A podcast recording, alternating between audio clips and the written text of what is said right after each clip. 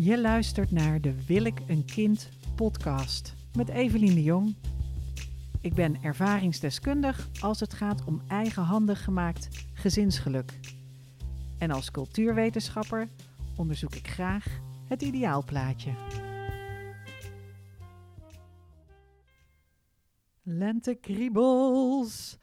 De liefde is in de lucht en jij wil wel heel graag nog kinderen, maar hij niet. Want hij heeft al kinderen.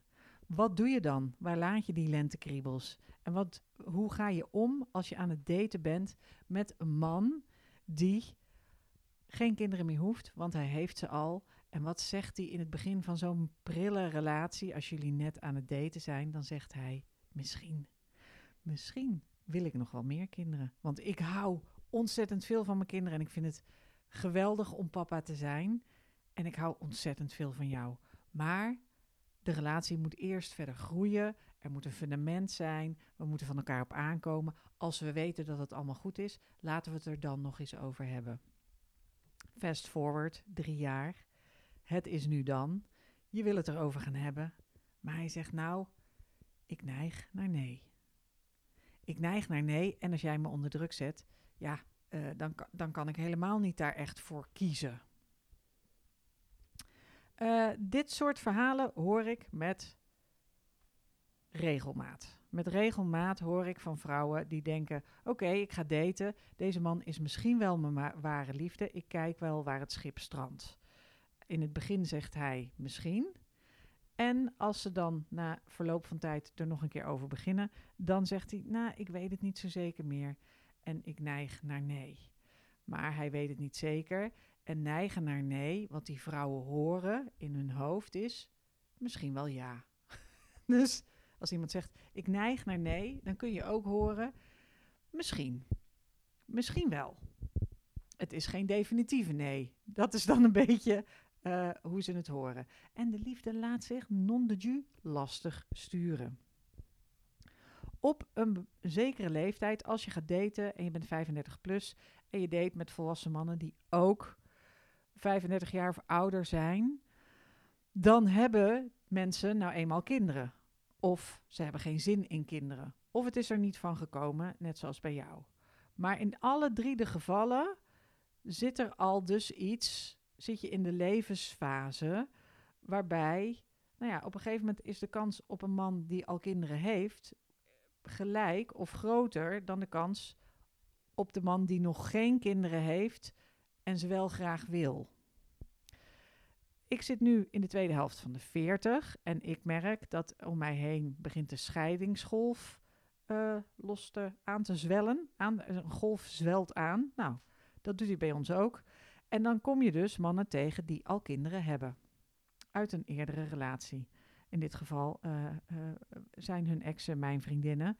En zij gaan opnieuw, ze komen opnieuw thuis met vriendinnen die aanzienlijk jonger zijn.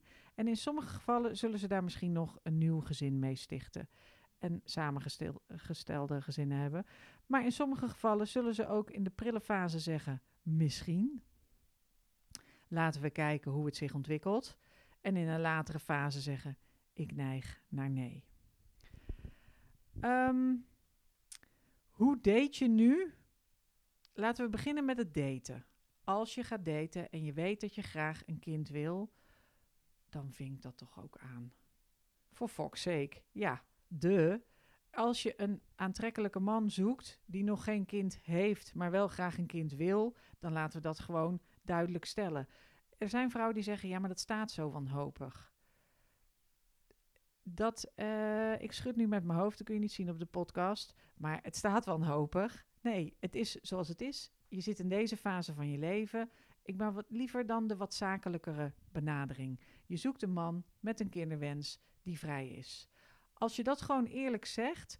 Er zijn ook vrouwen die dan heel romantisch gaan zeggen: ja, maar als het nou de ware is, hè, dan, dan wat? Dan als jullie bij elkaar zijn en uh, hij is de ware, dan verandert hij in van iemand die niet een kind wil in iemand die wel een kind wil, of jij verandert van iemand die graag moeder wilde worden, maar nu geen moeder wil worden of uh, tevreden is met 50% van de tijd bonusmoeder zijn. En dat is prima. Dat is een volwaardige optie, wil ik van tevoren gezegd hebben, mits je je daar maar bewust van bent. Maar als je er nu helemaal vrij in staat en je ideaalplaatje, je droom, is een vriend die graag nog een kind wil, dan, voor fuck's sake, vink dat aan. Kruis dat aan, zet dat gewoon actief, wees daar gewoon open en eerlijk over.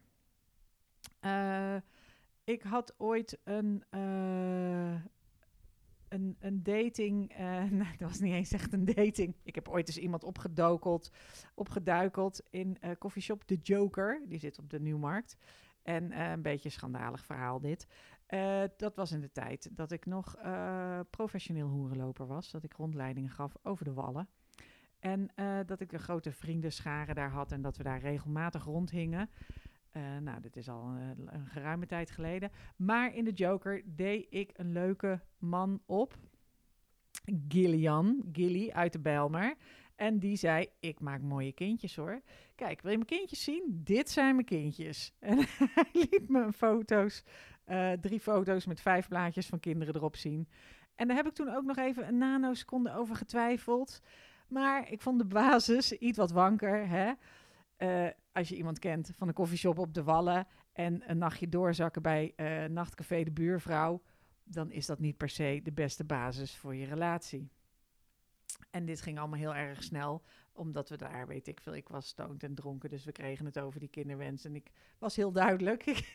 ik zei van, nou, uiteindelijk wil ik ook graag kinderen. En hij zei, nou, dat vind ik niet zo moeilijk. Ik maak mooie kindjes. Als je kindjes wil, dan ben je bij mij aan het goede adres. Kijk, dit soort kindjes maak ik. Um, bedenk goed van tevoren wat je in gedachten hebt qua daten en kinderwens. Kijk, de eerste maand wil je gewoon geile seks, avonturen beleven, spanning en sensatie. De tweede maand Netflix en chill. De derde maand same same, but different. En dan, na dat eerste kwartaal, na Q1 van de relatie, hè, komt Q2. En in dat tweede kwartaal, ja, dan wil je dus eigenlijk familie en vrienden gaan ontmoeten. Dan wil je toekomstplannen maken. En dan wil je aan het einde van dat tweede kwartaal, laten we zeggen over een half jaar, wil je eigenlijk horen: hey, chop chop, let's get it on. Laten we blije baby's maken. Dat is een heel vrij tijdspad. Hè? Binnen nu en een half jaar. Dat is heel vrij, maar het is niet echt realistisch. Nee, het is niet direct super realistisch. Want um, een half, binnen een half jaar een kinderen beginnen is snel. En wonen jullie dan al samen? Of moeten jullie nog gaan samenwonen? En ben je nog relaxed? Of ben je niet zo relaxed meer? En wat realistisch gezien de kans is dat je halverwege de 30 iemand tegenkomt die je super leuk vindt, maar die al een kind heeft. Merde. Merde non de jus. En het hoeft niet een groot probleem te zijn. Het kunnen best leuke kinderen zijn. Die moeder kan hartstikke oké zijn. Wat ik zeg, mijn vriendinnen gaan ook scheiden. Dat zijn hartstikke topwijven. Um, als dat de moeder van je bonuskinderen is, dan zit je gezegend. Maar het kan ook zijn dat, je, uh, dat het uiteindelijk wel dat het een probleem wordt, omdat jouw kinderwens is nog een abstracte wens die nog op de achtergrond speelt, die nog ondergeschikt is aan, het, aan de romantiek en de liefde en de passie. Maar als dat laagje vernis ervan afgaat, dan komt toch die kinderwens uiteindelijk ook weer opspelen. En de tijd uh, maakt dat hij zichzelf vanzelf op de voorgrond zet. Nou ben ik in een uh, uh, lang donker verleden ben ik stand-up comedian geweest. En als stand-up comedian kwam ik terecht op een single feest in een evenementenhal te Bunnik.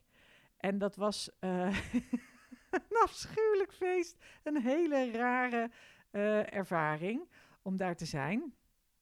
Maar toen ik daar toch rondliep op dat single feest, om grappen te maken over single zijn en over de Durex Performa. De Durex Performa, dames en heren, is een condoom met een pasta aan de binnenzijde van dat condoom.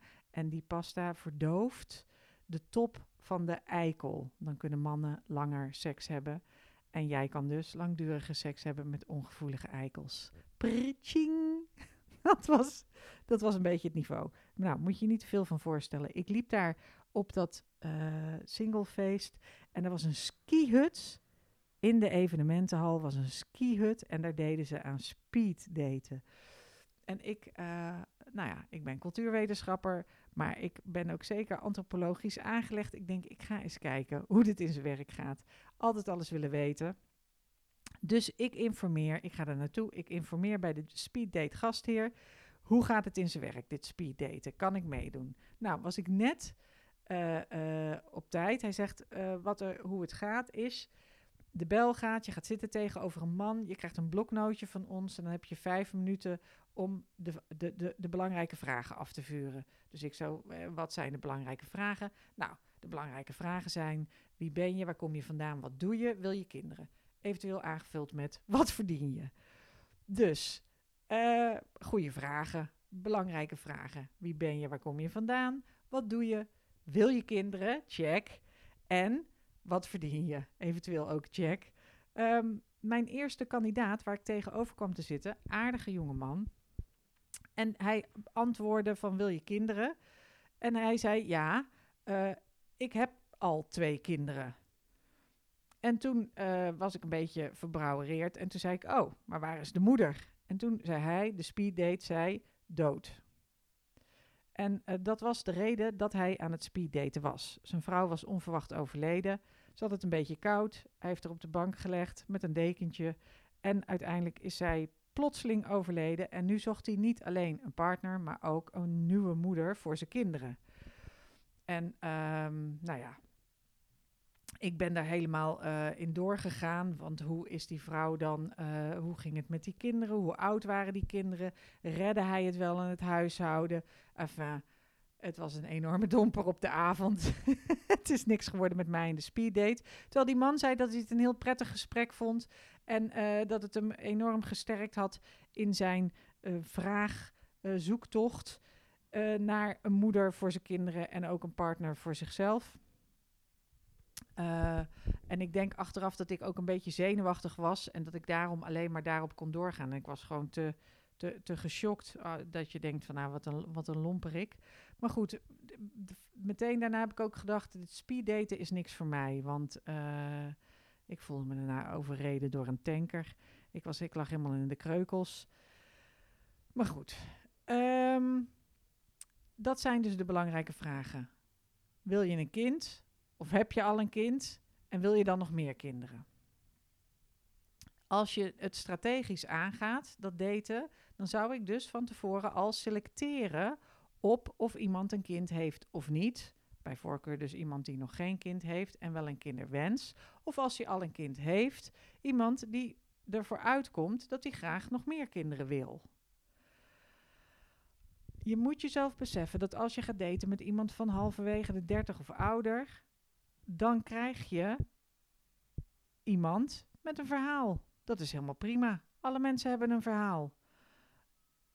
Een man die al kinderen heeft en niet meer samen is met de moeder van die kinderen, daar zit een verhaal aan vast. Dat hoeft niet zo'n dramatisch verhaal te zijn als ik net vertelde over mezelf en de speeddate in de skihut op het singlefeest. Dat is wel heel, dat was wel heel uh, sappig en sneu tegelijkertijd. Maar aan iedereen zit een verhaal vast. Of dat dat nou vervelend is of verwarrend of verdrietig of een heel mooi verhaal. Iedereen heeft zo zijn bagage bij. En bagage is een geschiedenis die iemand bij zich draagt waar jij eigenlijk helemaal geen invloed op hebt. Iedereen kent die uitdrukking wel, die ze dan heel snel in reclames roepen. In het verleden behaalde resultaten bieden geen garantie voor de toekomst. Maar in je brein werkt die zin helemaal niet. Is dat helemaal niet de realiteit?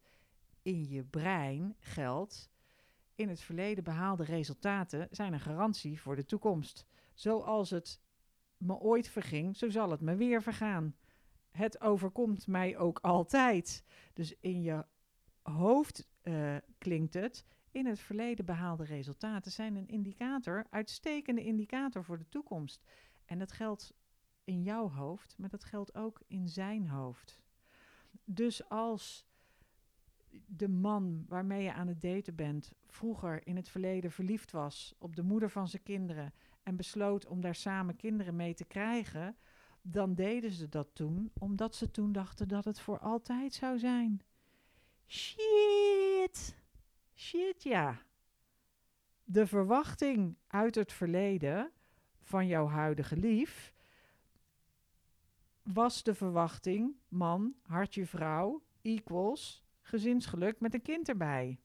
Het resultaat dat hij in het verleden behaald heeft, is man, hartje vrouw, equals een kind, equals een scheiding, equals gedoe, equals gemekker, equals alimentatie, is uh, equals een samengesteld gezin, hè, voor altijd aan elkaar vast blijven zitten.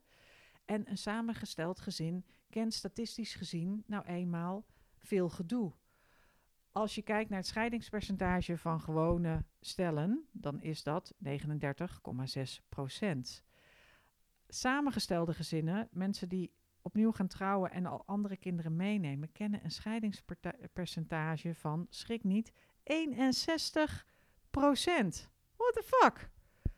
Ik denk, is dat een vlaag van verstandsverbijstering waarin ze aan het trouwen slaan? Maar, uh, nou ja, het, het, is gewoon heel moeilijk, heel veel geregeld, heel veel gedoe en heel complex. Dus het gaat veel vaker mis dan dat je die end in het scherm ziet rollen en ze leefden nog lang en gelukkig. Wat moet je nu doen als jij aan het daten bent, je komt een leuke man tegen, hij blijkt al kinderen te hebben. En hij hoeft niet zo nodig meer. En dat zegt hij door te zeggen: Ik neig naar nee, ik weet het nog niet, of het nu nog niet, of ik ben er nog niet aan toe, of onze relatie is er nog niet aan toe, of ik wil niet zo snel gaan voor de kinderen, of nou ja, allerlei redenen. Wat ik vaak van vrouwen hoor, is dat hij in het begin zegt misschien. En als je er daarna nog een keer over begint, dat hij het niet zeker meer weet. En dat hij dan, als je er dan nog een keer en nog een keer en nog een keer en nog een keer over, over begint, vaak op de hele vervelende, irritante manier die vrouwen eigen is, namelijk niet geïnteresseerd luisteren naar naar het antwoord, maar eigenlijk gewoon steeds prikken met dezelfde vraag: wil je me al een kind geven? Wil je me al een kind geven? Wil je me al een kind geven? Maar dan met andere woorden. Maar als je dat blijft doen, dan zegt hij op een gegeven moment: ik neig naar nee. Ik ben er nog niet uit.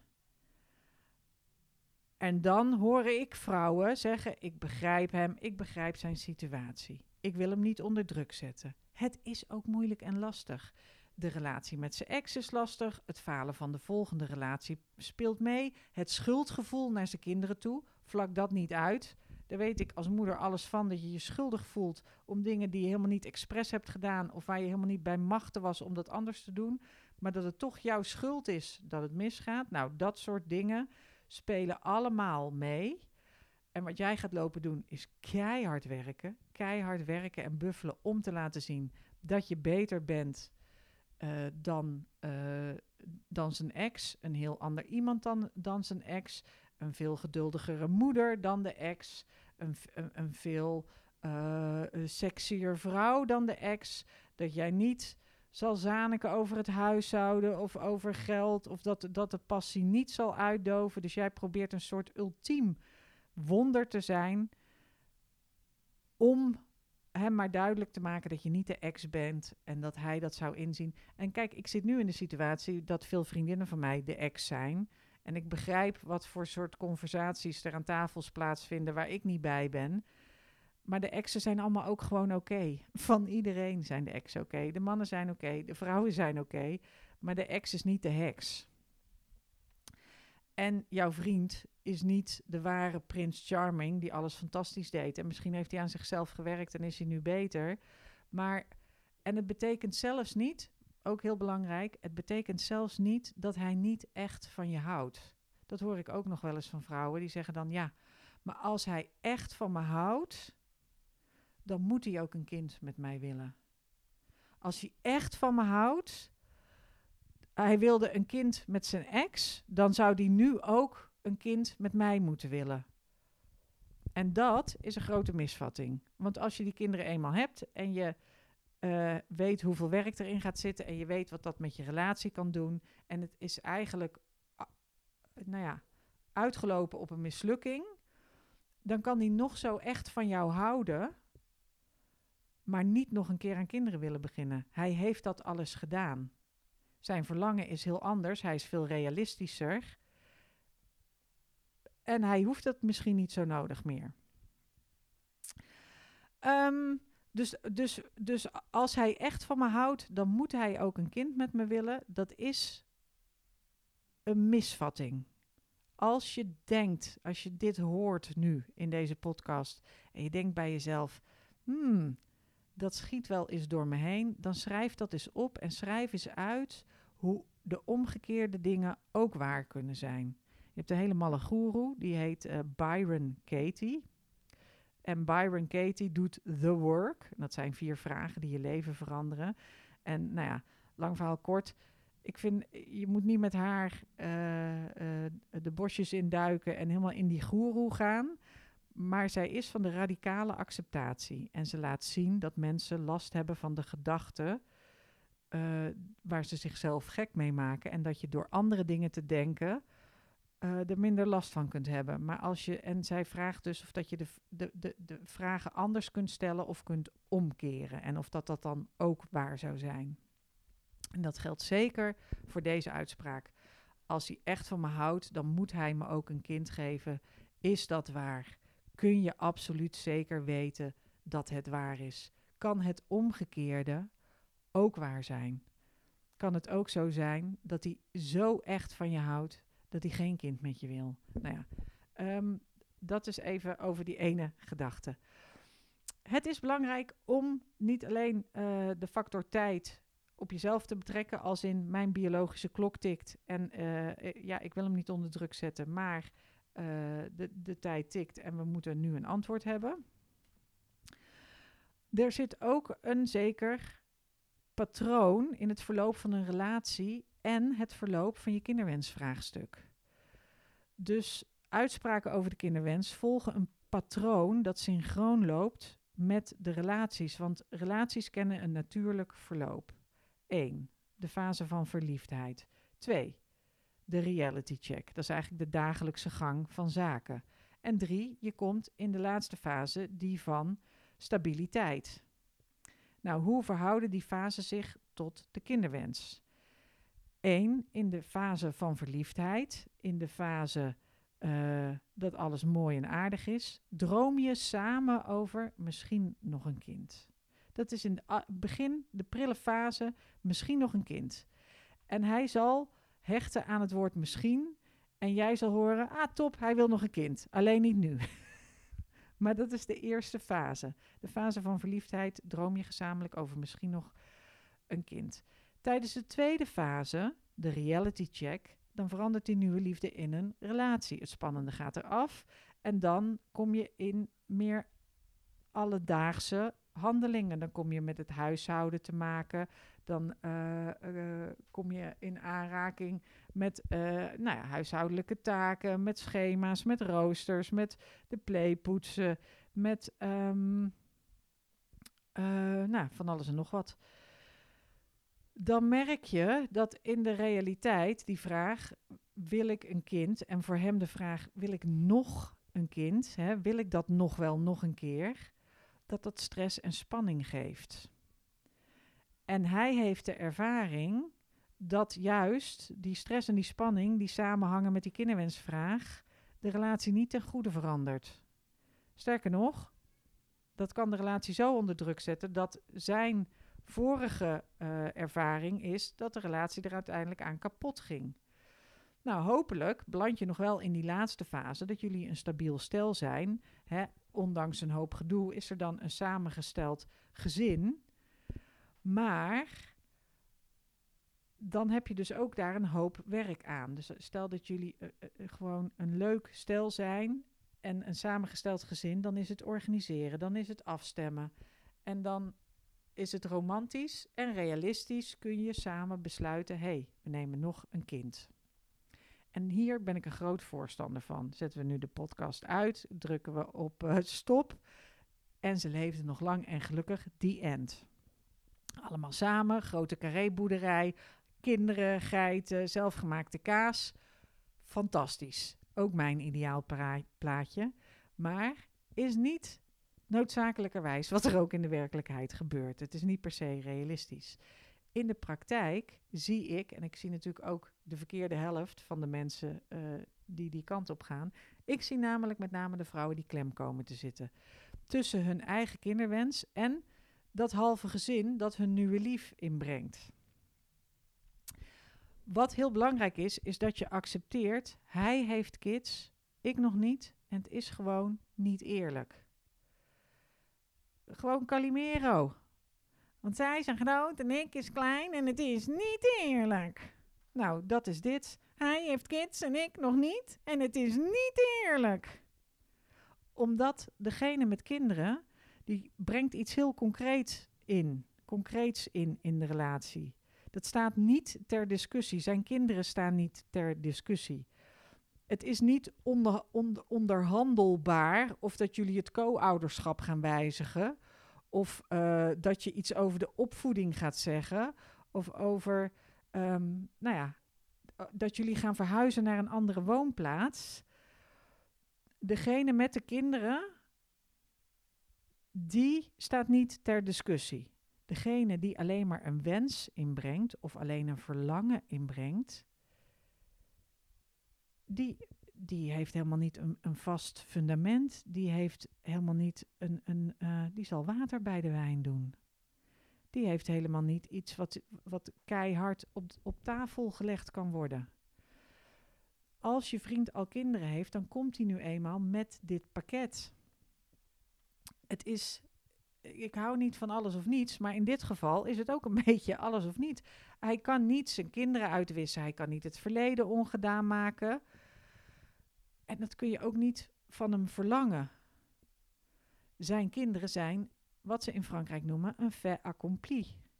Het is gewoon een voldongen feit. En daar heb je mee te dealen. En anders trek je aan het kortste eind.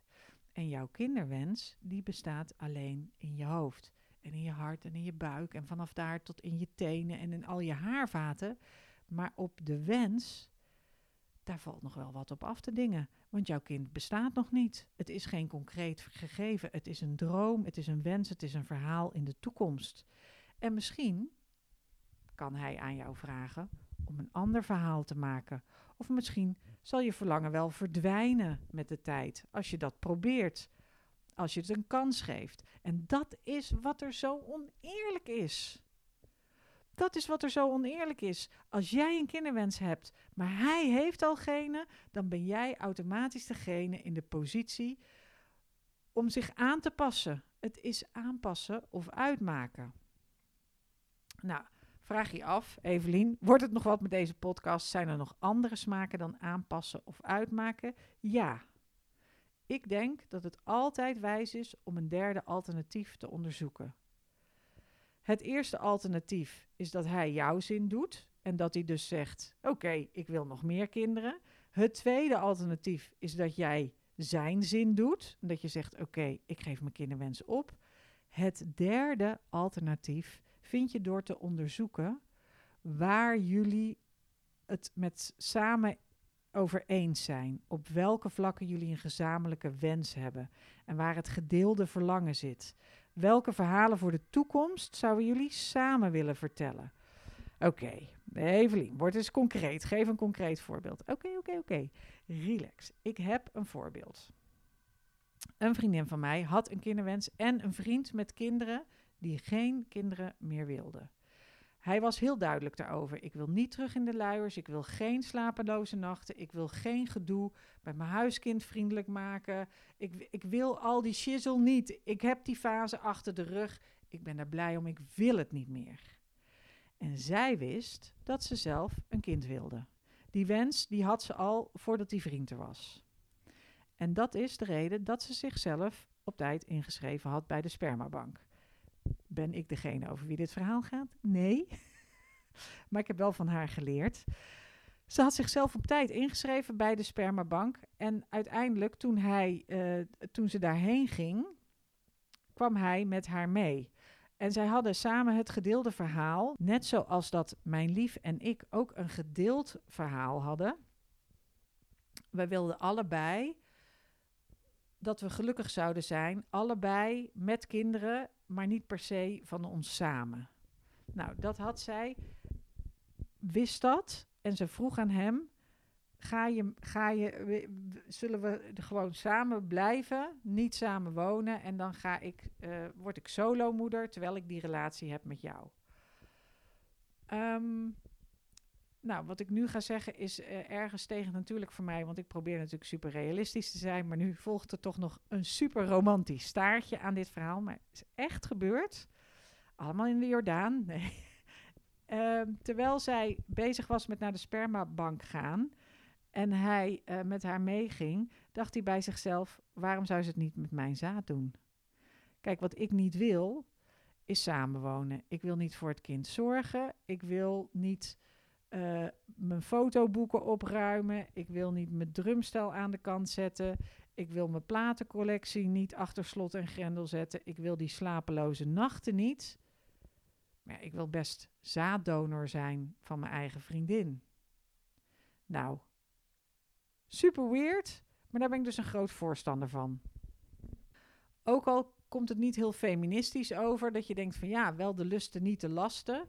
Maar dat is als je helemaal gaat zitten kijken en, en bedenkt dat hij opnieuw een kind zou moeten gaan willen opvoeden. Terwijl dat gewoon in de kern niet is wat hij wilde. En moet hij dan de relatie opgeven? Nee, uiteindelijk hebben ze dus samen een dochter gekregen. En uh, is zij in het begin solomoeder geweest. Ik denk de eerste tien jaar. En daarna uiteindelijk zijn ze toch nog gaan samenwonen. En hij had al die tijd uh, ook nog een, uh, een vaderrol. En hij hielp ook. Maar ze woonden niet samen. En het merendeel van de opvoeding kwam bij haar terecht, omdat dat was wat zij wilde. En omdat hij van tevoren heel duidelijk had gezegd: Ik, ik, hoef, ik wil dit niet. Um, nou, als je nou vindt dat dit helemaal volslagen onterecht is of belachelijk, dan stuur me maar een mailtje. dan reageer ik daar wel op. Maar dus super, super, super romantisch. Ze kregen samen een prachtige dochter. En ze leven nog steeds en ze zijn gelukkig samen. The end. No way. Yes way. En het lijkt dus ergens op mijn verhaal. Zoals ik samen met mijn lief naar de spermabank ging. En het duurde bij mijn lief veel langer voordat hij dacht: ja, oké, ik doe het. En uiteindelijk is vanaf het, meteen het eerste begin is mijn vriend nooit een donor geweest. Zoals, uh, en die, die, die andere vader is ook geen donor. Ik heb ook de, het vocabulaire, dus kan ook nog wel wat nuance in aangebracht worden. Maar uh, mijn vriend heeft direct gewoon 50% van alles gedaan. Dus op papier ben ik een solomoeder. Maar in de praktijk heb ik gewoon uh, een volledig gedeeld ouderschap. Alleen in twee huizen ja, omdat we latten. Um, en mijn vriend had veel langer de tijd nodig. Dus zij was, bij haar was het op weg naar de spermabank dat hij zei: Hey, uh, zaten ze samen in de trein. En dat hij zei: Hey, ik vind het eigenlijk heel raar. Waarom ga je voor dat donorzaad? Waarom zou ik het niet gewoon doen als we het erover kunnen hebben? Dat ik gewoon mijn eigen huis hou. En dan, wil ik, dan vind ik het prima om dat te proberen. En um, nou, ik ben dus een aantal keer geïnsemineerd geweest en toen nog een heel jaar met vruchtbaarheidstesten en andere dingen. Maar mijn gekke constructie van niet samenwonen, wel samen zijn, dat heb ik dus ook gewoon afgekeken. Zo zie je maar. Ook ik sta op schouders van de vrouwen voor mij die het anders deden. Oké, jij wil kinderen, hij heeft ze al. Wat nu? Het is goed om jezelf bewust te zijn van het verloop van die relaties en van de factor tijd in die situatie. Nou, de drie belangrijkste tip, tips voor jou in deze situatie is tip 1: stel niet steeds dezelfde vraag verpakt in andere bewoordingen. Dus vraag alsjeblieft niet steeds opnieuw: wil je mij een kind geven? Wil je een kind met mij? Zullen we hier aan beginnen? Wil je dan nu een kind met mij? Stel, hou op met die vraag te stellen. Schrijf het voor jezelf op met een groot kruis er doorheen, zodat je dat accepteer gewoon.